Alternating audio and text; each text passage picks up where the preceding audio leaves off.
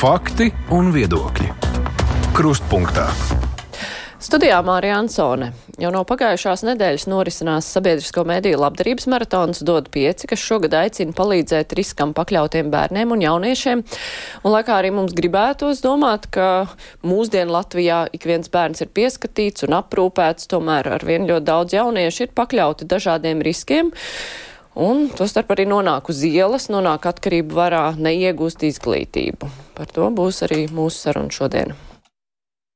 Palīdz jauniešiem, kurus līdzcilvēki izvēlas neredzēt.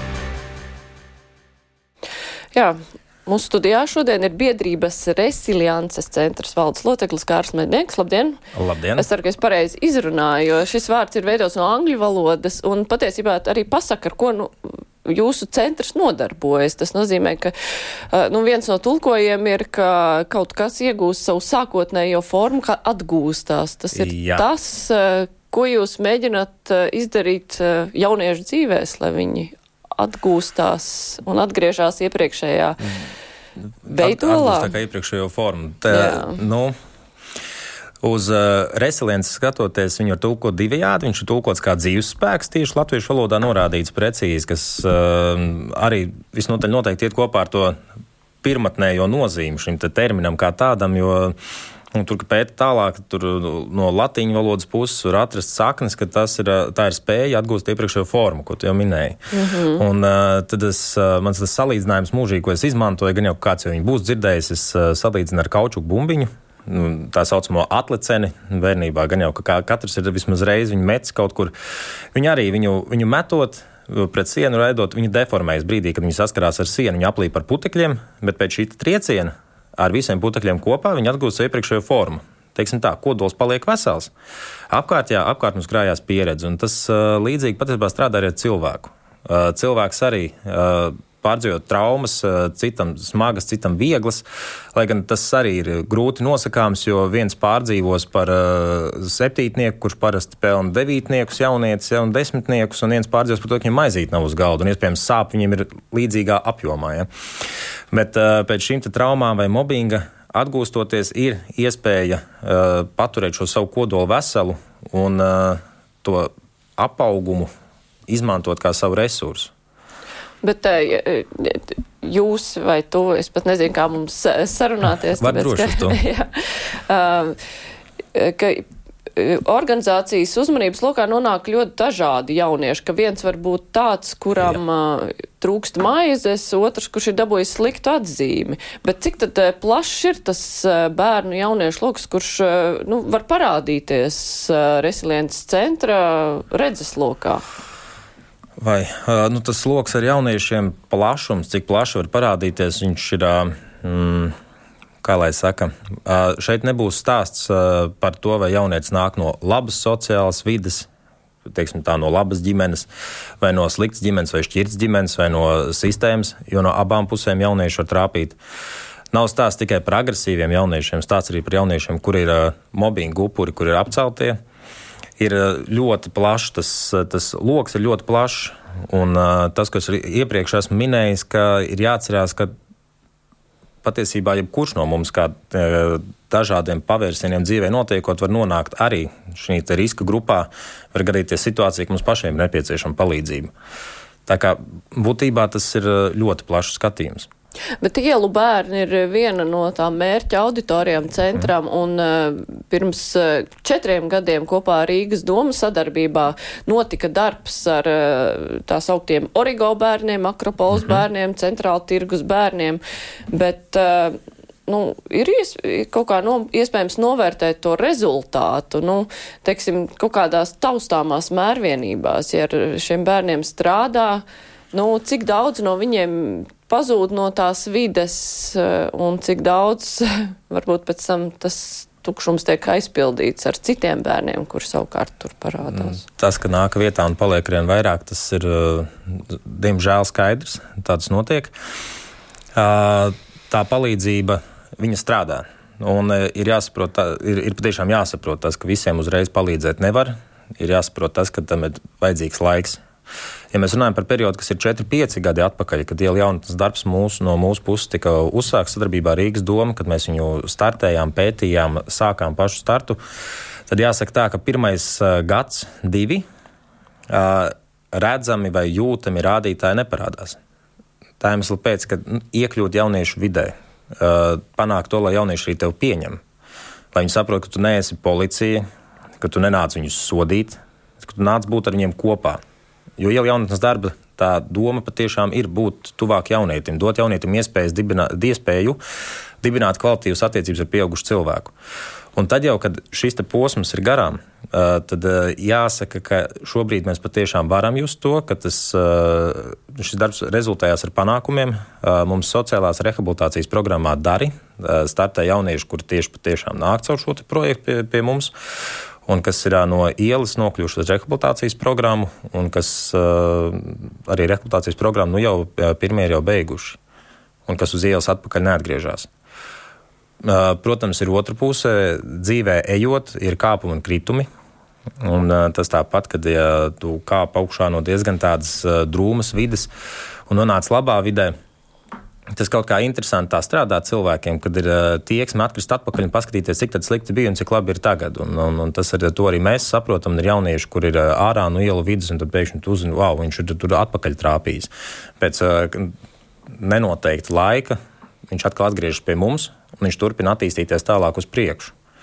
Visu laiku ir tas uh, solis, uh, divi soļi uz augšu, viens solīts atpakaļ. Divi soļi, uz augšu, viens solīts atpakaļ. Un tas process tāds notiek darbā.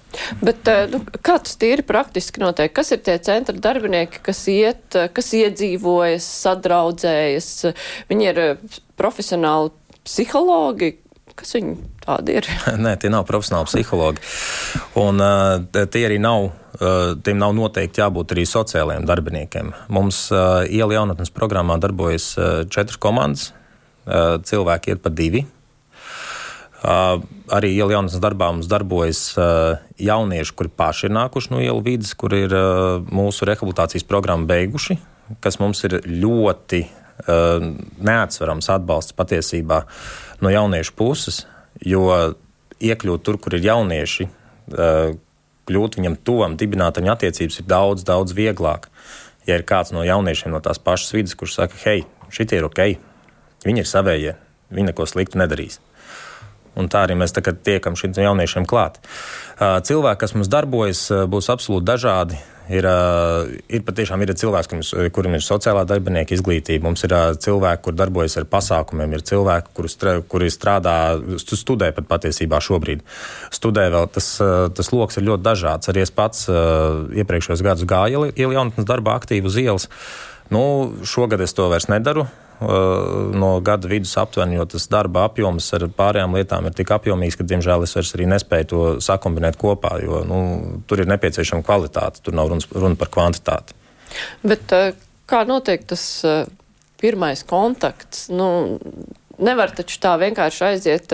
Nu, mēs visi esam redzējuši kaut kādus uh, YouTube vai ziņās arī bija rādīti slavenie origo jaunieši, kuri kādam ir atņēmuši mobīlo, kādu ir aplaupījuši, un e, priekšstats, nu, ka viņi nemaz e, negribētu tā draudzēties ar katru, kas tur nāk klāt. Kā, kā nodibināt kontaktu ar tādu jauniešu bariņu? Nu, redziet, kā šeit arī būs ļoti dažādi. Jo cik dažādi cilvēki, cilvēki mēs esam, tik dažādi pieeja katram no mums ir nepieciešama. Un uh, tas pats arī attiecās uz jauniešiem un šīm kompānijām. Uh, darbinieki sākotnēji veids novērošanu. Ir novērošanas periods, ir, kart, ir kartēšanas periods, novērošanas periods, mēs saprotam, kurās vietās, cik daudz kādas kompānijas tiek novērotas, kādas šīm kompānijām ir īpatnības, uz ko viņi vairāk pavelkās, nepavelkās, kas ir, kas ir viņu kompānijas šīs iezīmes. Un tad jau tiek meklētas iespējas, brīži, tiek skatīts, kurā brīdī mēs kā pieaugušs cilvēks varam pieiet klāt vai atrasties blakus, uzsākt sarunu un pakāpeniski ar šo kompāniju sapazīties. Kā jau minēju, mums liels pluss ir tas, ka jaunieši, kuri no ielu vidas nākuši, šobrīd ir mūsu kolēģi un strādā kopā ar mums. Tas mums ļoti atvieglo šo procesu un patiešām ļoti palīdz šajā darbā. Jo sākotnēji tas bija ļoti smagi. Man, mums pagāja seši mēneši, kamēr mani un kolēģi pārstāja uzskatīt par policistiem. Viņi līdz pēdējiem ticēja tam, ka mēs esam no policijas vai no sociālā dienesta, mēs esam atnākuši kādu savākt vai sodīt. Tas ir tas viņu, viņu nostāja. Un uh, brīdī, kad šis kontakts sāk dibināties, ļoti svarīgi ir pieņemt viņu nosacījumus.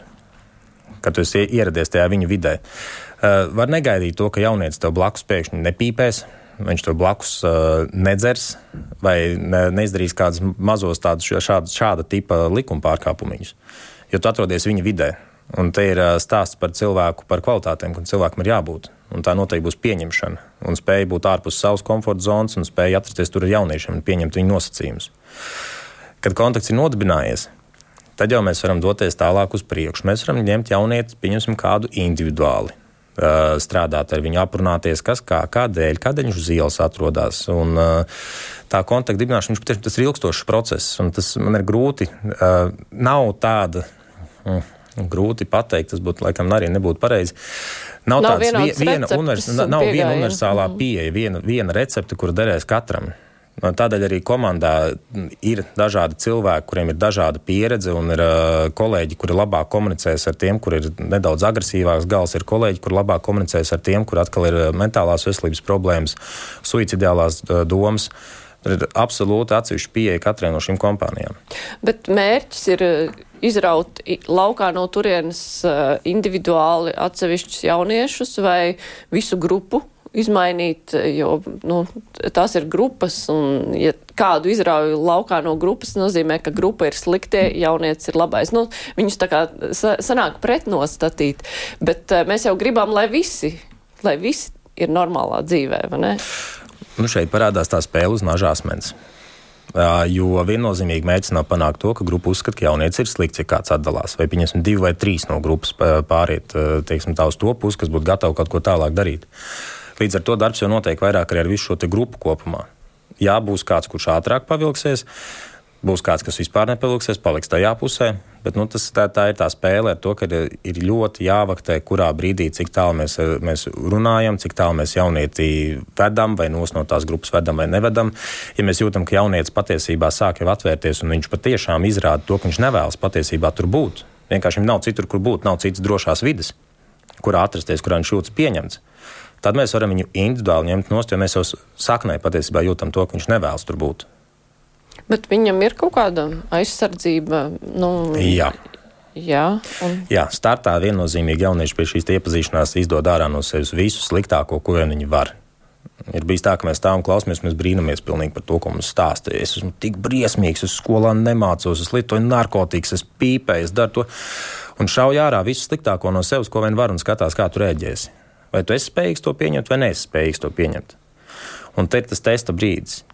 Ja tu spēj pieņemt šo, šo te pašu sliktāko, ko jaunietis par sevi ir pateicis, turpināt ar viņu komunicēt, runāt un uztvert viņu kā cilvēku, uztvert viņu kā jaunieti, nevis skatīties pēc viņa rīcības, jo, kā mēs zinām, arī labs cilvēks var uh, padarīt sliktu lietu. Ja?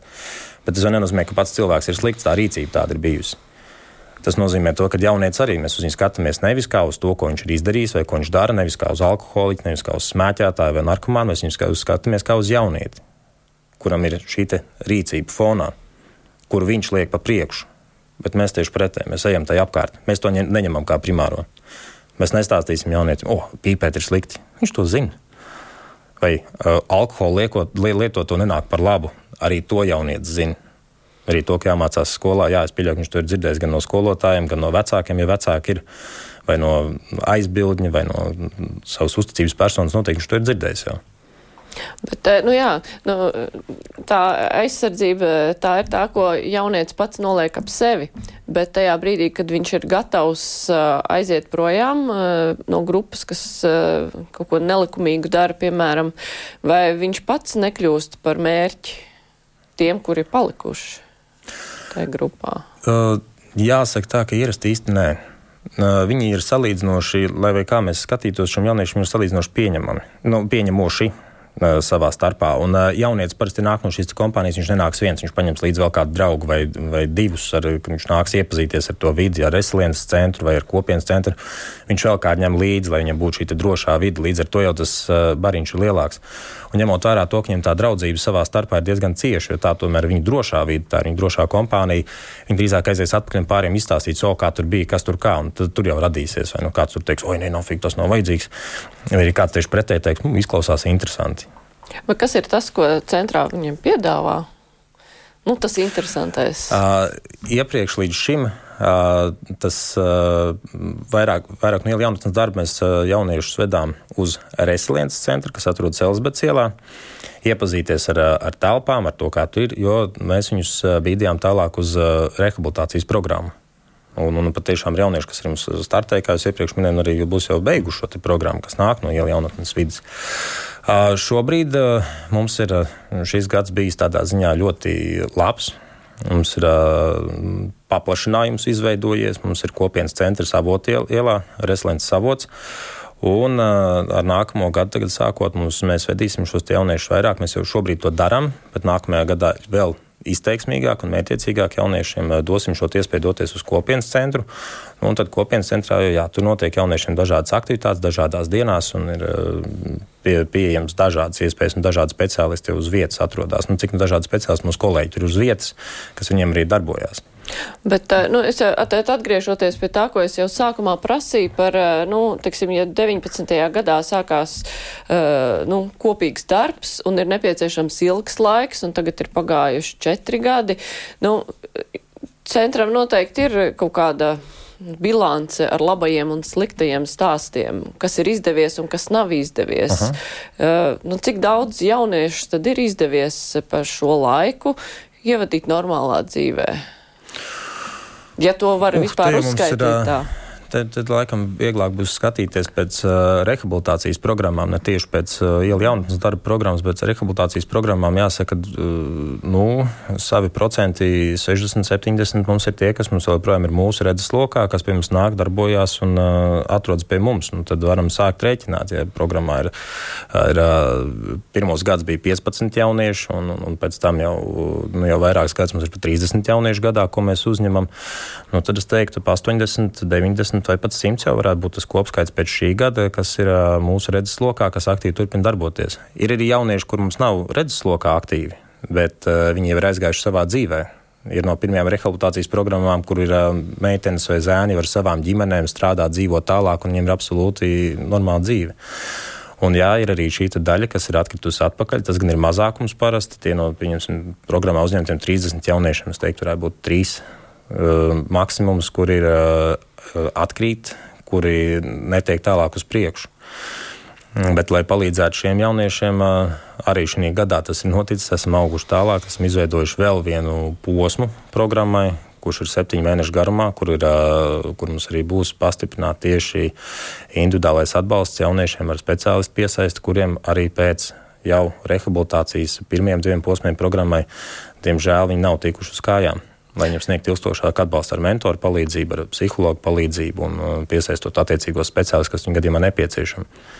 Bet rehabilitācija tā ir domāta rehabilitācija pēc, nu, kas ir saistīts ar atkarībām, vai tas ir jau kopā, nu, ar visu dzīvesveidu, ar nespēju dzīvot. Tas ir uh, dzīvesveids vairāk šajā gadījumā. Taļa saku sociālās rehabilitācijas mm programmas. Tas nozīmē, mēs arī socializējam jauniešus. Mēs, uh, jā, nu, mācīt, man nekad nav paticis vārds mācīt. Jo es teiktu, ka mēs rādām. Mēs rādām veidu, kā citādāk var komunicēt, mēs rādām veidu, kā citādāk var dzīvot. Mēs dodam iespēju padzīvot citādāk. Mēs ar jauniešiem braucam kopā nedēļas nogalēs uz mežiem, dzīvojam pa mežiem. Tagad arī man kolēģi šī nedēļas nogalē bija ar jauniešu jauno grupu, kas mums ir brauc tieši tik izklausīsies iespējams vienkārši, un kādam šķitīs, kas tur tik īpašs. Bet šiem jautājumiem tas, tas, tas iespējams pat ir ļoti īpašs, kad nedēļas nogalē viņiem ir iespēja paņemt piepūšamos pūšļus līdzi, sakāpt busiņā, aizbraukt uz mežu. Un ar pūšiem šļūkt mežā no kalna lejā un būvēt uh, lielus sniega vīrus. Viņiem tas patiešām ir kaut kas īpašs. Un caur šīm pieejām, patiesībā ar tām lietām, kas iespējams mums ikdienā cilvēkiem šķiet ļoti pašsaprotams citreiz. Mēs ar jauniešiem rādām to, ka ir iespēja dzīvot citādāk. Protams, neaizmirstam par to, ka notiek arī grupu nodarbības. Ir saskarsmes nodarbības jauniešiem grupās. Mums nepārtraukti notiek katru nedēļu. Ir piesaistītie speciālisti. Tur būs gan psihologa palīdzība, klāts vajadzības gadījumā psihiatrs, psihoterapeits ir piesaistīts, mākslas terapeits. Tur ir, ir vesels lērums, komplekss ar kolēģiem, kas strādā kopā, lai šos jauniešus varētu virzīt tālāk uz priekšu, uz priekšu pa mazam solītim, dot iespēju integrēties sabiedrībā un dzīvot dzīvi citā kvalitātē. Vai visiem jauniešiem, kas nonāk jūsu redzeslokā, nu, ir, nu labi, viņi pa dienu vai nedēļas nogalēs var piedalīties nometnēs, nodarbībās, vai viņiem visiem ir normāls mājas, uz kurien aiziet pēc tam? Ne visiem. Ne visiem tas ir. Ir jaunieši, kuri mm, nelabprāt sākumā vispār runā par to, kas notiek mājās. Ir jaunieši, kurus mājās sagaida vienmēr kāds dusmīgs, ir jaunieši, kuriem mājās ir mobbings. Ir, un tieši šī iemesla pēc, kad jaunietis nonāk mūsu redzeslokā, sadarbība nav divpusēja. Neesam mēs un jaunietis, vai mēs un vecāks. Vai teiksim, tā šī atbalsta persona. Sadarbība notiek trīspusēji, jo līgumu slēdzam mēs, atbalsta persona jaunietim, kas ne no ģimenes, un pats jaunietis. Lai būtu tā, ka arī viņa šī ikdienas vidē uh, notikt izmaiņas. Jo mums notiek arī vecāku nodarbības, jeb atbalsta personas nodarbības. Un, pieņemsim, jauniešiem, kas ir sistēmas bērni, tas būs sakal, sociālais darbinieks, kas atrodas. Uh, kā nu pareizi bija jāsaka, ja bērnu nam jau mums nav vairāk. Ja. Mm -hmm. Bet nu, ideja noteikti sapratāt. Un, un, un, un tas ir, ir trīspusēja sadarbība, lai arī jaunieša vidē, mājās uzlabotos apstākļi. Jo es domāju, jūs varat iedomāties, cik smagi tas būtu, ka tu aizbrauc kaut kur, kur ir pozitīvāk, tev ir atbalsts, tu jūties labāk, tu jūties priecīgs, un tu ienāc atpakaļ savā vidē, kur tu atkal tiec nolikts un uh, savā mērā traumēts. Vai arī kur tev ir smagi. Un loģiski tā vide spiež tevi atgriezties pie tā, kāds, kāds tu esi bijis iepriekš. Un tad ir šādi gadījumi arī. Jā. Bet eh, nu, kā tas tiek risināts? Jo nu, ir, ir arī citas organizācijas, kas palīdz jauniešiem, kur arī bieži nonāk eh, stāsti arī sociālajos tīklos par to, ka um, nu, jaunieši guļ kaut kur trepēs vai pagrabos, jo tāpēc, ka viņiem mājās eh, viņus eh, vai sit vai ir no nu, apstākļi ir vēl acīm redzot briesmīgāki nekā trepēs vai pagrabos. Un tā viņi tur eksistē. Un, uh, ko tur darīt, ja, ja viņš neatrod to organizāciju, kas viņu izmitina? Īstermiņā jūs teikt, ka ir jautājums par līdzcilvēkiem un sabiedrību ir jau ir ļoti forši, ka mēs esam iemācījušies internetu, ja, un mēs esam iemācījušies sociālos tīklus. Mēs esam uztaisījuši bildi, ielikt ārprāts man uh, gaitanīgi guļ viens. Ja, bet, nu, jautājums, cik no tiem cilvēkiem patiešām par to paziņo, kas būtu tas, kas būtu jādara primāri, nevis jātaisa bildes vai jāraksta par to. Paziņo kam? Uh, paziņot, startā pietiks ar to, ka mēs ieņemam pašvaldības policijai pašvaldības policija zinās tālāk, ko darīt, kurā brīdī tas būs. Tā būs bāriņties, sociālais dienests, kas noteikti tālāk to pašvaldību zinās. Man uz šo jautājumu gribētu skatīties nedaudz tādā plašākā lokā par sabiedrību kopumā, kas ir mūsu problemātika, kā mēs skatāmies uz atbalstu sniegšanu. Un ko mēs esam iemācījuši jau nākamajai paudzei, kā ir jātiecās vai kā ir jāuztver palīdzība un sociālais dienests vai sociālā vide kā tāda. Jo, kā mēs saprotam, uzskats man šķiet, joprojām lielākoties paskat, uh, pastāv tāds, ja, ja ģimene ir sociālā dienestā kaut kur parādījusies, jūs skaitāt, nu, tur kaut kas ir slikti, tā ģimene ir slikta, ar viņiem nevajag komunicēt, ja, tur kaut kas nav kārtībā. Tāpat laikā iespējams tieši pretēji. Tā ir ģimene, kur apzinās to, ka viņai ir nepieciešams atbalsts. Viņa ir gatava strādāt pie tā, darboties. Un, uh, ja bērns aug vidē, kur viņam tiek stāstīts par to, ka sociālais dienests ir kaut kas slikts. Vai sabiedrība kopumā uztver to, ka šī sociālā vide, atbalsta vide ir kaut kas, kas liecina par to, ka tev kaut kas nav kārtībā un tu esi slikts par to? Tas taču nav pareizi. Mēs būtībā rokam bedri paši sev, no kuras mēs kāpjam laukā. Te ir par sabiedrības kopējo, par domu, par domāšanas veidu jau jautājums. Kā mēs uztveram atbalstu sniegšanu. Tas taču nav slikti, ja cilvēks aiziet pie psihologa. Lielākā daļa, šo, liel, nevis lielā, lielākā daļa, tas būtu arī nepareizi teikt, liela daļa cilvēku, ko es pats pazīstu, kas ir pat sabiedrībā zinām cilvēki, tāpat mēdz apmeklēt psihoterapeitu, mēdz apmeklēt, apmeklēt psihologu, lai tīri sevi sakārtot, salikt visu pa vietām. Šobrīd, paldies Dievam, tas notiek, un cilvēki sāk jau atklātāk par to runāt un teikt arī to skaļi, ka tas nav nekas briesmīgs, ja tev ir nepieciešams atbalsts paskatāmies gadus atpakaļ, tāpat, ja kāds gāja pie psihologa, viss viņam ir baltā lapa, viņš ir norakstāms, ar viņu nerunā, viņam kaut kas nav kārtībā. Tā ir vide, kurā mēs augām. Bet eh, nevienmēr eh, ģimenes, kurās ir problēmas, eh, pašas nu, ne, nu pašas jau droši vien, ka tāpat saprot, ka, ka nu, tas nav labs dzīvesveids, nu, bet uh, viņi kaut kā ir droši vien pieraduši. Nu, parasti tur ir iesaistīts kaut kādas atkarības, no kurām cilvēki vienkārši nevar izrauties, negrib vai nespēja, bet uh, rezultātā tur ir tās divas daļas, ka tur ir tas bērns, kurš varbūt viņš saprot, varbūt nesaprot, ka sociālās palīdzības meklēšana ir pieņemama, bet vecāki vispār par to nedomā. Viņiem varbūt labi dabū kaut kādu pabalstu no pašvaldības, mm -hmm. bet tā kopumā uzlabot apstākļus, lai bērns normāli dzīvotu, viņi pat nemēģina to darīt. Tad kā palīdzēt šādos gadījumos? Oh. Jo bērnam arī tā ģimene varbūt ir vienīgais, nu, kas ir, kur viņš ir piesaistījies. Viņam ir bail kaut kur būt, iet prom Jā. pavisam un Jā. Eh, pateikt bāriņu tiesai, ka man ir slikti, jo tad viņš pazaudēs to vienīgo, kas viņam ir redzēt, kā man šeit, šeit jās, jāsāk ar to domu saprast vispār, kādēļ tajā ģimenē iespējams tas tā varētu būt. Uh, ir tas uh, stāsts par sienāzi. Ja sienāzi var uzlikt ļoti augstu, pieņemsim, tur metrus divus, ja sienāzi ieliek uh, kastītē ilgstoši, un, un, un sienāzim tur piedzimst arī mazie sienāzēni rodās un, un vispārējais. Viņi augstāk par kastītes jumtu vairs nelec. Un te ir stāsts par, par ģimeni jau kā tādu un par to, ko iespējams vecāki ir iepriekš piedzīvojuši.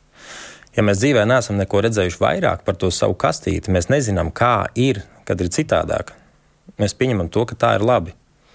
Un uh, ne visi cilvēki ir ar tieksmi uh, dzīties uz priekšu, strauji un iet uz augšu. Ir tīpaši gadījumos, ja viņš vairāk neko par to nav redzējis. Jo no vienas puses, kā, kā mēs varam kaut ko vairāk spiest no viņa ārā, ja viņa uztverē tas ir labi. Jo tas ir bijis labi visu laiku. Nu, tad tas stāsts ir, kad ir jāstrādā ne tikai ar bērnu, jāstrādā arī ar vecāku, jāstrādā arī ar ģimeni, jāstrādā ar vidi apkārt. Eh, tas, ko sabiedrība var darīt, redziet, mēs izvairamies ļoti daudz no šīs vidas kā tādas, un, un, un tas ir tas, ko mēs darām, jo viņi nav patīkami. Un, uh, tas atbalsts citreiz ir tik daudz kā runāt. Es iepriekš esmu teicis, aprunāties. Ja jūs zinat, ka tā ģimene labi, tur nav tik labvēlīgi apstākļi, nav tur viss līdz galam kārtībā. Nu, ja sanāk iespēja, nu, kaut vai garām ejot, nu, aprunājieties to cilvēku, nezinu, to tēti vai to māmu, nu, pārunājiet, tīri cilvēcīgi, draudzīgi, bez pārmetumiem. Kā viņi jūtās, kā viņiem iet, lai šie cilvēki arī jūtas pieņemtāk sabiedrībā. Jo arī tā kastīte viņiem ir uztaisīta, bieži vien mēs to kastīti arī viņi tur stāv, mēs viņu neiztiekam, lai viņi tur tuk, tuk lēkā iekšā līdz tam jumtiņam. Nu jā, tur tā lieta, ka tajā brīdī, kad uh, ir darbs ar ielu jauniešiem, tas jau ir tas darbs. Uh, ar sekām, jo tas process, Jā. kā, līdz, kā viņš ir vispār tik tālu nonācis, tas ir bijis milzīgi garš, un sākumā mm -hmm. tas bērns ir bijis maziņš, un viņš kaut kur ir audzis, varbūt viņš ir gājis uz to bērnu dārzu, varbūt viņš ir bijis sliktais e, Pēterīts nu, vai sliktā Anniņa, te bērnu dārzā, pēc tam skolā, varbūt viņš ir bijušas uzvedības problēmas, un parasti -hmm. ir mhm. nu, tā reakcija no Nu, arī, nu, kā kur izglītības iestāde ir, kas mēģina strādāt, pieņemt, ir, kas uzreiz pasaka, nu, ka tas ir sliktais, viņam uzliek zīmogu pierē. Un tieši tas pats jā. arī notiek no citu vecāku puses, diemžēl. Jā, jā, un tas ir ļoti traģiski patiesībā, kad skolotāji liek šos zīmogus virsū un kad citi vecāki liek šos zīmogus virsū. Tas ir tas, ko es iepriekš minēju, ja kā mēs attiecamies sabiedrībā par tiem, kas nāk ne no tās vidas, kur mēs, man sajūt tādu kastu sadalījumu, ja viņš no zemākas kastes ar to nerunā, ja viņš nāk no sliktas ģimenes. Es zinu viņa māmu, tēti, ja viņi bija tur tādi un šitādi. Bet mēs jau pašu to bērnu arī būtībā sabiedrībā noliekam tajā pozīcijā, ka viņš ir tāds pats, īsti nedodot pat iespēju būt citādākam. Un uh, par to, ko minēja, ja, par, uh, kad bērni iet pēc vecākiem, un uh, izcils piemērs Origo, viens puisis, kas mums arī bija rehabilitācijas programmā, uh, Viņa tētis savulaik ir bijis Origo, teiksim, tā tās bandas, kas bija savulaik lielais gangsteris. Un viņš bija tāds krūtais vecs. Cik lielā vecumā? Pats sēž cietumā. Puisim šobrīd 13, tētis, uh -huh. ja mhm. nemaldos, 20 gadus vecāks par viņu aptuveni, ja tas varētu būt 30 ar kapeiku. Tētis cietumā. Pabijis jau. Uh mhm. -huh. Dēl, dēlu runājot, kāds ir dēls sapnis? Arī nokļūt cietumā? Jā, nē, nē, ne jau cietums gluži. Mm. Viņš arī būs tāds pats kā teicis, viņš būs gangsters, viņš būs lielais vīrs, viņš arī ies pa origonu, visi viņu klausīs. Es kā tas stāsta par to, cik daudz mēs redzam, ir tas, ko mēs redzam, ka teicis ir krūts tā, tādā veidā, bērns jau tiecās tāpat uz to. Nu. Nu, kas ar viņu tālāk? Viņš joprojām grib būt tāds - nē, nē, nē. Viņš šobrīd viņš mums bija rehabilitācijas programmā. Tur tas process bija grūts un garš. Viņš bija viens no tiem jauniešiem, kurš, kuram bija ļoti. Kā laikam pareizāk teikt, neieprogrammēts, ieprogrammēts, iestāstīts tas, ka latviešu valoda pat ir slikta lieta. Ja latviešu valodu nevajag mācīties, priekš kam viņa ir vajadzīga, tā, viņš ir tādu ļoti tādu spēcīgu nostāju bija tajā virzienā. Bet, eh, jāsaka, tā programmas beigās viņš bija sagatavojis latviešu runu mums, kur viņš teica paldies, pateicās par to, kas viņam ir dots un sniegts. Eh, jaunietis mācās šobrīd eh, arodu skolā, ja plāno kļūt par, ja nemaldos, galdnieku virzienu, viņš ir izvēlējies. Tā kā viņam ir, viņš iet uz priekšu, viņš grib kaut ko mainīt dzīvē, viņš grib darīt. Bet tas arī tas ir stāsts par darbu ar vienu jaunieti, kas notiek. Tas ir darbs, principā, gan divu gadu garumā, kas ar viņu tiek veikts. Nu, tas ir tas labais stāsts. Bet uh, atgriežoties pie uh, nu, pie bērniem, kuri vēl ir tajā citā vidē, kur Jā. vēl, nu, varbūt viņiem vēl nav tas zīmoks virsū, bet, nu, viņš palēnām tiek izstumts kaut kādu sociālu apstākļu dēļ, jo parasti jau arī ir tā, ka, nu, ir, pieņemsim, kaut kāda klase, un tur kaut kādas aktivitātes notiek, un tad ir kāda ģimene, kas varbūt ir nabadzīgāka, un tad viņi nevar tur visur piedalīties. Nu, ko tur var izdarīt skola? Lai pieņemti būtu visi, un uh, arī, nu, ja ir kaut kādas uzvedības problēmas, un galvenais, ko var izdarīt uh, tie citi līdzcilvēki, kurus, nu, kaut garām ejot, bet uh, visi taču viens otru satiek. Mm -hmm. No skolas puses jāsaka, ka šeit uh, klases audzinātājiem ir diezgan liels, liela, liela vara šajā jautājumā. Klases audzinātājiem ir dota vara pastāvēt par saviem jauniešiem, par savu klasi un par visiem jauniešiem klasē, neskatoties uz to, no kādas vidas kurš ir nācis. Un arī skolotāju vidū, pedagoģu vidū aizstāvēt savus jauniešus, neļaut viņus apcelt. Jo, Uh, te ir iestarpinājums, mums bija mobbinga projekts, kur ietvarā mēs apbraukājām vairākas skolas Latvijā, runājot par mobbinga jautājumiem.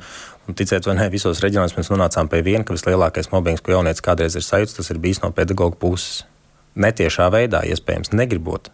Tur pasakot, ah, to netīras bikses nevarēja izmazgāt mājās, vai kaut ko nenāca tāds netīrs uz skolu. Vai šie komentāri uh, dziļāk, iespējams, nezinot, iespējams, jaunietim nav iespējas bijušas tādas tajā brīdī. Vai viņam nav bijušas citas bikses, vai nav, bijis, nav, nav bijusi iespēja viņam pašam šo jautājumu risināt kas tajā brīdī ir, nu, tur labi, neteiksim, 50% gadījumu ja, no tiem, ko, ar ko mēs saskārāmies. Liela daļa, liela daļa bija tāda, kur teica, ka pēc tam tas rezultējās mobbingā no klases. Ja tas ir dzirdēts no pedagoģa mutes, no skolotāja mutes. Un, iespējams, skolotājs brīžiem pat nejūt to, cik liela ietekme šim jautājumam ir darbā ar jaunieti. Tas, ko klase var darīt, tas, ko var darīt klase tā labāk, un kā skolotājs ar klasi kopā, ja zina to, ka klasē ir kādam sliktāk šī situācija. Tad skolotājiem kaut kādā mērā būtu jāuzņemās atbildība nedaudz par to. Es saprotu, tas ir daudz prasīts. Noteikti kāds pedagogs tad sēž un griež zobus, klausoties manī, domājot par to, ko es runāju. Bet uh, viņiem ir tā iespēja runāt arī ar klases vecākiem, skaidrot, mācīt uh, par to, ka visi bērni ir bērni neatkarīgi no tā, no kādas vidas viņi ir nākuši, un dot viņiem tās pašas iespējas. Iespējams, var pat klasē, ja ir kāda naudīgāka ģimene vai, kāda, vai vairākas ģimenes, var samesties tam bērnam, lai viņš arī var piedalīties. Tomēr ir jāmeklē risinājumi tam, lai šos bērnus un jauniešus iesaistītu kopējās aktivitātēs, bet tas ir jāsāk darīt, kamēr bērns ir maziņš. Jo mēs jau to ieraugam, uh, pirmās trīs, četras klasītes, piecas, ja nu, viņš neiesaistās visos pasākumos, un ģimenei trūks naudiņas, vēl tur, nu labi, nu, nu nav, nav. Pēc tam, kad nāk periods vēlāk, kad jaunietim jau nākties jau 13, 14, 15 gadi, tā kā jau minēju iepriekš, tur mēs redzam jau to rezultātu. Tur mēs cīnāmies ar to, kas ir patiesībā noticis iepriekš, kur mēs varējām palīdzēt, neskatoties uz to, kāda situācija ir mājās. Tāpat arī pārējie bērni klasē, atvaino, mm -hmm. pārējie bērni klasē jautājot par to apkārtējo vidi, kas var palīdzēt. Ja pārējie bērni nebūs uh, audzināti pēc principa, oh, viņš no sociālās ar viņiem nerunā, oi, tie tur tādi nerunā, viņi slikti, un pārējie bērni būs audzināti, skatoties uz to, ka viņš arī ir bērns. Nu, jā, varbūt ģimenē iespējams nav situācija tik laba, bet viņš jau pats ir foršs. Nu, ar viņu ir jārunā, viņš arī ir jāiesaist. Arī pārējā klasē jau daudz ko iedot. Vismaz viens vai divi vai trīs klasē, ja tādi būs, kas būs ar viņu kopā, aprunāsies, būs blakus, mazākam esot, tas jau daudz ko izteiks. Tā būs tāda tā prevencija jau tam, lai mēs pēc tam nesaskartos ar uh, to problēmu šobrīd, kas mums ir. Ja? Origo vasarās uh, Vērmans dārs, uh, tirzniecības centrs Akropola, kurš ir uh, ļoti plaši apdzīvots dotajā brīdī arī tas pats Grīziņkalns. Grīziņkalnā, jā, super, tur ir geto games. Uh, Raimonds dara super darbu. Un, un, un arī Rēmonds mēs esam runājuši un strādājuši kopā. Rēmonds arī saka, ka ir, ir tā daļa, kas ir pie manis, kas super aktīvi darbojās. Tāpat ir tā daļiņa, kas paliek otrā pusē, kas izvēlās pasēdēt kangali aliņu iedzert. Ja? Nu, un, un, un, un tad, nu, lai nebūtu tas, mums ir jāstrādā ātrāk pēc idejas. Nu, jā, nu, jo ilgāk tas bērns būs izstumts eh, nu, no savu vienaudžu vides vai no bariņa, un tas, diemžēl, sāks jau bērnu dārzē, jo ātrāk viņš būs dusmīgs uz pārējiem. Un tad nebūs tā, nu, ka nu, viņš ir nabadzīgs, bet foršs, jo viņš būs mhm. nabadzīgs, bet dusmīgs, jo viņš būs vienmēr bijis izstumts. Mhm. Tas mūsu kā sabiedrības mērķis būtu radīt šim bērnam drošo vidi. Ja šī drošā vide nav mājās, tad uh, pirmā drošā vide, kur tai vajadzētu būt, tai vajadzētu būt arī teiksim, izglītības iestādē. Ja izglītības iestādē būs drošā vide, kur viņš jutīsies labi, pieņemts un tā, tāds, kāds viņš ir, tas rezultēsies arī tajā, ka šis jaunietis pat mācīsies. Jo viņš tur jutīsies labi skolā. Nu, tas, protams, nav kaut kas tāds, ko mēs varam izmainīt gada laikā vai divu gadu laikā. Tas, es, nu, nu, labi, divi gadi. Es ceru, ka tik ilgi nebūs jāgaida. Bet gada laikā mēs varētu to ietekmēt un jau mainīt jau pakāpeniski. Jau, jo šobrīd man šķiet, šī te, šis, šis te, kas notiek, šis maratons, šis dod pieci. Tas vislielākais, viens ir tas, ka finansējums. Viens ir finansējums, jā, var darboties ar jauniešiem. Tas, ko es vēlētos uzsvērt visvairāk, kas ir pats pats vērtīgākais, kas sabiedrībā sāks pievērst uzmanību šim jautājumam, Jo tas ir tas primārais, kā mēs uz to skatāmies, kā resiliences centrs. Tas, tas nozīmē to, ka iespējams vairāk par to runās, cilvēki vairs neklusēs. Nebūs klasēs tas, ka pievar acis, kad kādu, ap, kad kādu jau manāmi apceļ mazās klasēs, kas pēc tam rezultējās tajā, ka vecākās klasēs iespējams tur būs agresija vai arī pazušana no skolas. Vai arī tās pašas ģimenes, kur mēs, kādā minēja, ja bērns guļ kāpiņu telpā, vai ir bijuši stāsti, ka mums jaunieši ir gulējuši dārza būdiņā, dzīvojuši. Nu, par to ir jārunā. Tas ir jāsaka skaļi un ir jā, jāstāsta arī tas, ka nav slikti, tas nav nopeļams, ja tu lūdz palīdzību. Tas ir daudz vērtīgāk nekā slēpties aiz uh, mākslīga kaut kāda uzbūvējuma, ka tev viss ir labi. Labāk ir būt atvērtam, iet par to runāt laicīgi. Bet tomēr tas ir arī naudas jautājums tā ziņā, ka uh mhm. -huh. ja skola vai bērndārs, nu, jebkura izglītības iestāde ir tā, kas eh, sākotnēji bērnu redz visvairāk, ar viņu ir kontaktā, kura mhm. varētu redzēt tās problēmas saknē, Jā. ka tur ir vajadzīgi arī zinoši cilvēki, kas ar to var strādāt, jo var saprast arī pedagogu, ja viņam ir 30 bērnu klase, viņš tur nevar ar visiem tur tik galā, un tad uh, mazais kauslīgais vai mazā kauslīgā meitenīte, nu, tad viņi tur paliek kaut kur. Bet tur ir vajadzīgi cilvēki, kas eh, izrunājas, nu kas tad ir tam, kāpēc viņš, tas Jā. bērns ir tāds. Te es, te es arī absolūti piekrītu. Arī iepriekš arī šo, šo esmu minējis, ka skolās patiesībā pedagogi ir pārslogoti. Pamatīgi pārslogot arī sociālajie pedagoģi skolās. Mēs skatāmies, es, es teiktu, laikam viņi ir stingri nepietiekamā skaitā uz to bērnu skaitu, kas atrodas izglītības iestādēs. Un uh, pareizi jau būtu kad ir tas, tas ir tas sociālais pedagogs, ar kuru runā, tas ir tas uh, skolotājs, ar kuru runā. Labi, skolotājiem vajadzētu ziņot tālāk sociālajiem pedagogam. Sociālajiem pedagogam vajadzētu arī tālāk jau ziņot, saziņot, sazināties ar ģimeni, sazināties ar sociālo dienas, sazināties ar bāriņtiesu. Bet uh, tur jau saziņa notiks automātiski tālāk. Te jau atkal jautājums ir, cik ļoti iedziļinās katrā gadījumā. Jo reizes, kad bērns ļoti negrib to, lai ģimene uzzina, ka viņš iet runāties, viņam ir nepieciešams vienkārši vieta, kur izrunāties, kur pateikt savu, kad ir kāds, kurš kas uzklausa viņu, kā viņš jūtas. Un arī šeit mūsu pieredze liecina par to, ka mums atnāk jaunieši, kuriem saka, nē, es negribu nekādus sociālus pedagogus, vai soci... kāpēc man viņi vajadzīgi? Šeit es nevienam nu, nekad nevaru uzticēties. Esmu stāstījis lietas, teicis, lai nesaka manai mammai, rezultātā man mamma to zina, atnāk mājās un dabūja pa muguru. Man sarāja. Un kāpēc viņam stāstīt kaut ko? Es aizgāju pie viņa izrunāties, un rezultātā esmu vīlies. Un tas ir vēl trakāk. Jau tas ir vēl trakāk, jo šim bērnam jau tiek iedragāta uzticība vispār kopumā pieaugušiem cilvēkiem. Tādēļ būtu jāatrunā startā nosacījumi, līdz kuram brīdim šis sociālais pedagogs vai šī skolā piemeklēta atbalsta persona uh, uzklausīs jaunieti, nestāstīs tālāk, un pie kuriem jautājumiem stāstīs tālāk. To vajadzētu jaunieti arī informēt par to. Jauniešiem tās lietas ir ļoti svarīgas. Viņas patiešām ļoti svarīgas. Tas arī ir jāsaprot, kad uh, izpaust informāciju, ko jaunietis ir pateicis tikai tev. Ja tu informāciju izpaudi, tu iedragā uzticību ne tikai pret sevi, bet pret pieaugušu cilvēku kā tādu kopumā. Bet tas izklausās pēc tā, ka vienkārši trūkst kaut kādas tāda e, kopīgā algoritma vai ētikas, nu, kas ir tāds izstrādāts normu kopums, kuram ir, nu, vienkārši jādarbojas kā dzels likumam, ja tu strādā ir, ar bērnu. Ne, ir ētikas kodeks, ir sociālajiem darbiniekiem, patiešām ir arī ētikas kodeks, viņš ir uztaisīts, viņš ir vairāk tēmēts patiešām uz sociālajiem uh, darbiniekiem, uh, bet uh, viņi var pārlasīt da jebkurš, kurš strādā sociālajā jomā šo kodeksu un uh, iet cauri un skatīties. Tur arī par to tiek runāts. Tur arī tiek runāts par to, ko mēs publicējam publiskajā vidē, kādas bildes, jātēls, visu pārējo, lai, nu, lai neradītu nepareizu priekšstatu jauniešiem. Par tādām niansēm arī par to tiek runāts. Un arī par šo komunikāciju un par informācijas izpaušanu. Cik tālu mēs informāciju turam pie sevis, cik tālu mēs informāciju laižam tālāk atkal attiecīgam dienestam. Un uz kādu norunu, un uz kādu pamatu mēs to darām. Uh, pats galvenais, tas, ko es saku, ar jaunieti sarunāt.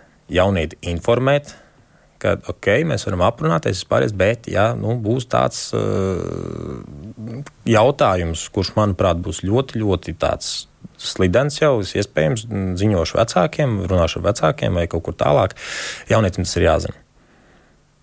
Nu, tas arī attiecas uz uh, gadījumiem, ja nu, ir kaut kāda iešana pret vecākiem. Tā, tā ziņā, ka arī daudzi baidās nu, ziņot bāriņu tiesai, jo tāpēc, tas nozīmē, ka būs pārbaudas, varbūt bērnu izņemšana, un Aha. daudz no tā arī ļoti baidās, un tāpēc nevēršas pēc palīdzības. Protams, jo lai arī kādi būtu vecāki, bērnam māma ir mamma, un tēcis ir tēcis. Tas arī citreiz ir, jā, tas arī ir jāsaprot, kad uh, bērns ir bērns, māma ir māma, tēvs ir tēvs. Un arī kāds būtu tas tēvs, un arī kāda būtu mamma, ir reizes, kad uh, bērni nu, nevēlas viņus zaudēt. Jo viņi tomēr ir mīļi, viņi ir sirdī, un tā ir daļiņa no viņiem. Jo to, to saikni pāraut ir ļoti grūti. Ir ļoti grūti. Ir ģimenes, kur to ir izdevies vecākiem izdarīt tā, ka bērns patiešām grib no mājas prom. Viņš pats saka, es reāli gribu prom.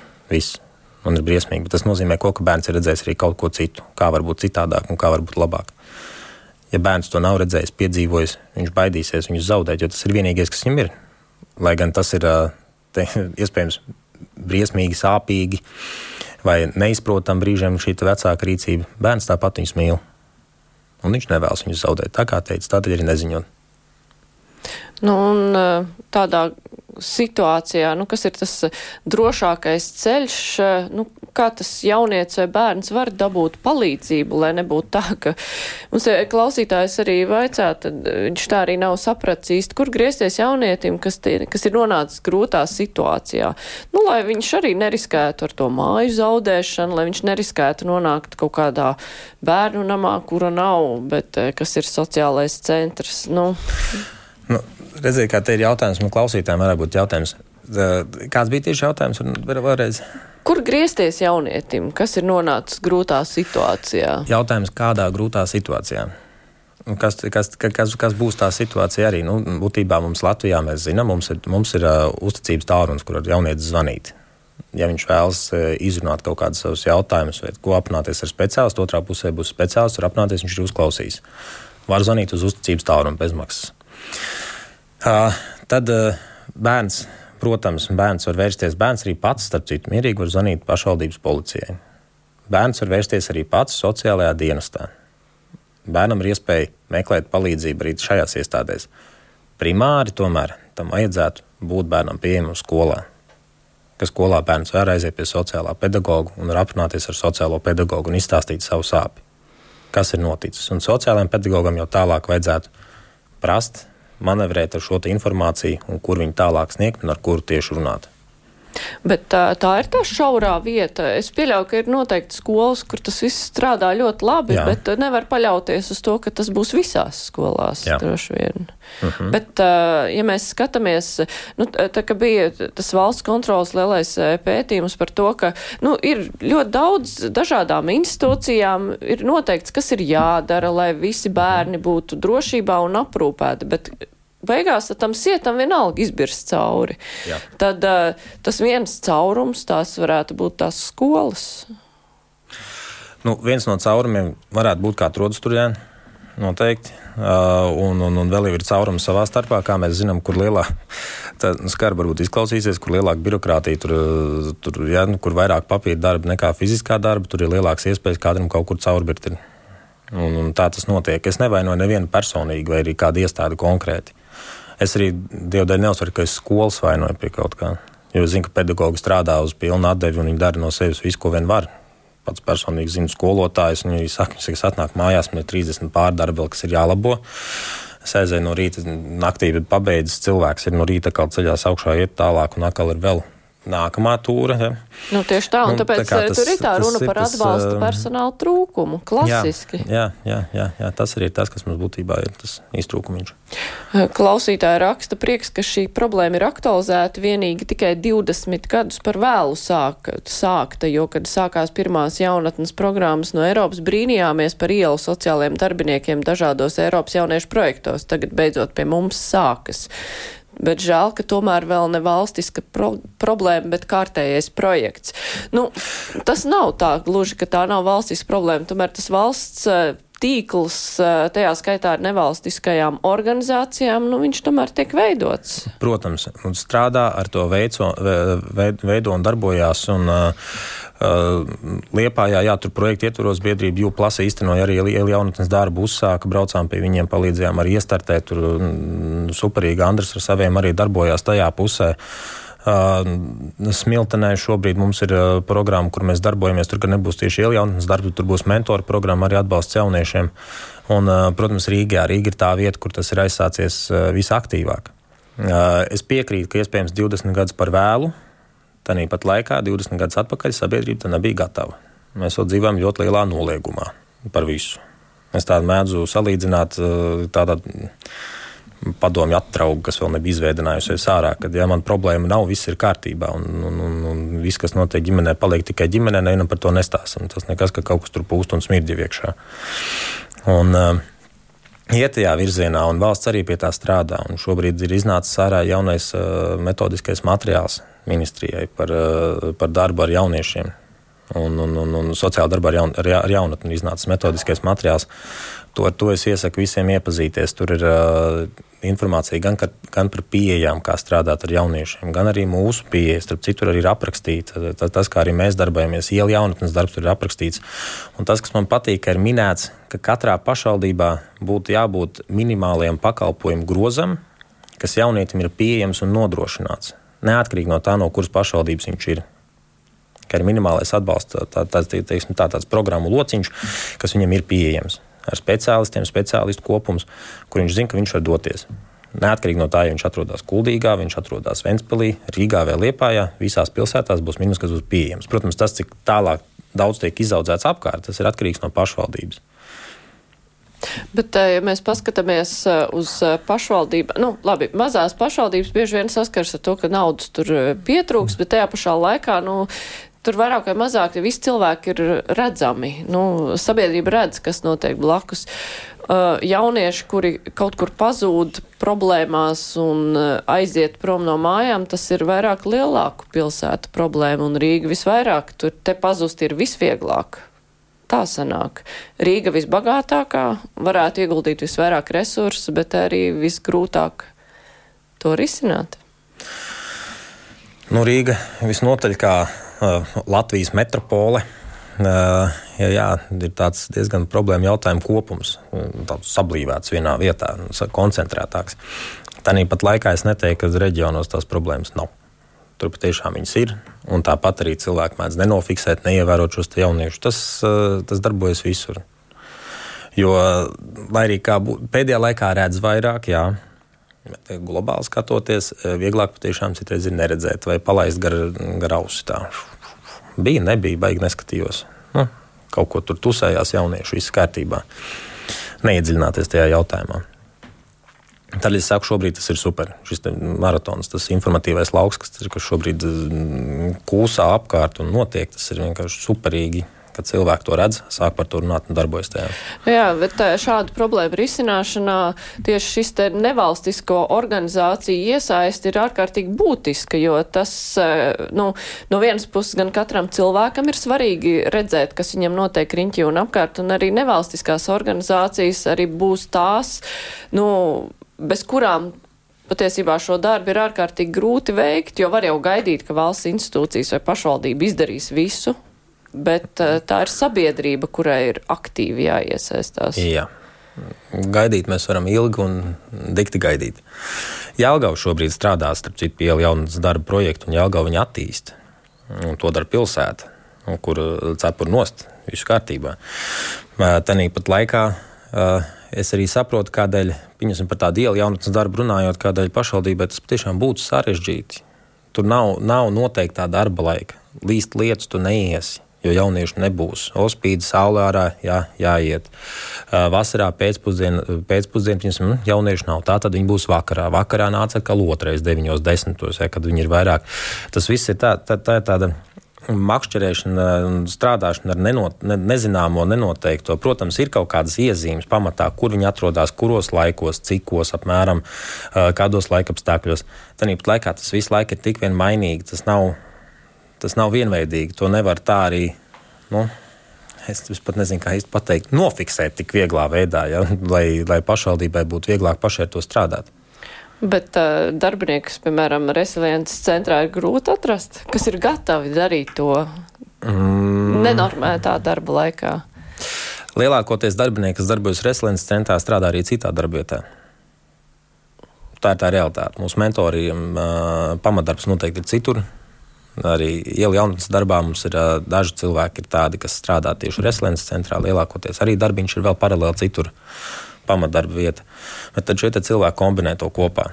Viņi atrod laiku tam, jo te ir stāsts arī par to, ka tam ir jābūt iekšā cilvēkā. Tev ir jāpatīk tam, ko tu dari. Un tev ir, jā, ir, ir, ir tik vien jābūt atvērtam un spējīgam to visu pieņemt, sajust, būt tajā. Ka, nu, atrast darbiniekus, tas ir jautājums. Darbinieki parasti, jāsaka, lielākoties atrod mūsu kaut kādā ziņā. Tie ir cilvēki caur paziņām, caur, tie, caur tiem, kas mums darbojas, kas mums ir mentori, mentori, mentori programmās. Tie būs tie cilvēki, kur pārsvarā arī piesaistīs no savas vidas cilvēku, kur viņi jūt. Ir kas atnāk, pasakot, nē, sorry, no manis. Ir kas uh, ielu jaunatnes darbā pirmajos gados man nomainījās diezgan daudz cilvēku sastāvā. Ir viņas jauni puiši, spēcīgi, kas atnāk un uh, viņš ir pēc studijām. Viņš saka, es varu izglābt pasauli. Mm -hmm. viņš atnāk pie mums un viņš ir tāds nostāja arī. Viņš nāk un gatavojas un iet ielu jaunatnes darbā. Un pēc divām, trīs reizēm, kad viņš ir izgājis, viņš izgaist. Viņš vairs nav. Jo tā nav īsti viņa vide. Viņš nevar ar to vidi sadzīvot. Un tā kā tur ir, tur, tur ir tā, tā, tā, tā, tā, tas, tā, tā ir tāda, nu, tur jābūt apusēji Ir jābūt apusēji. Nu, jā, nu, galvenais, lai cilvēki saprot motivāciju, kāpēc viņi to jā, grib darīt. Jā. Un uh, es uh, ticu un ceru, ka arī dod pieci maratons ne tikai nesīs naudas ieguldījums, bet arī cilvēkus, kur ir gatavi mainīt pasauli un arī spēj to, nu, sajūt Aha. sevi spējas to izdarīt un iesaistīties šādā darbā. Un vai arī pat, ja nav gatavi tādam lielam eh, veikumam, bet var kaut vai paskatīties blakus uz saviem līdzcilvēkiem, vai -huh. tur mhm. nav kāds problēma bērns. Man ir to arī jāsaka paldies. Eh, šodien Kārlis Mednieks no Resiliences centra valdes loceklis bija kopā ar mums. Vēl pavisam īsi izstāstīšu par rītdienas kruspunktā. Mēs runāsim par medikamentu cenām. Veselības ministrija ir kārtējo reizi tagad apņēmusies samazināt medikamentu cenas. Mums tās, diemžēl, sliktā nozīmē izceļas salīdzinot ar citām Baltijas valstīm tajā skaitā. Runāsim, vai tas ir iespējams un kā tas varētu ietekmēt aptieku tīklu. Raidījums kruspunktā ar to arī skan. Tagad būs ziņas procenti ievazēze. Mārija Ansona bija studijā.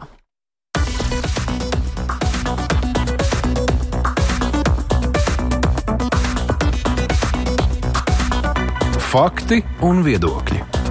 Krustpunktā.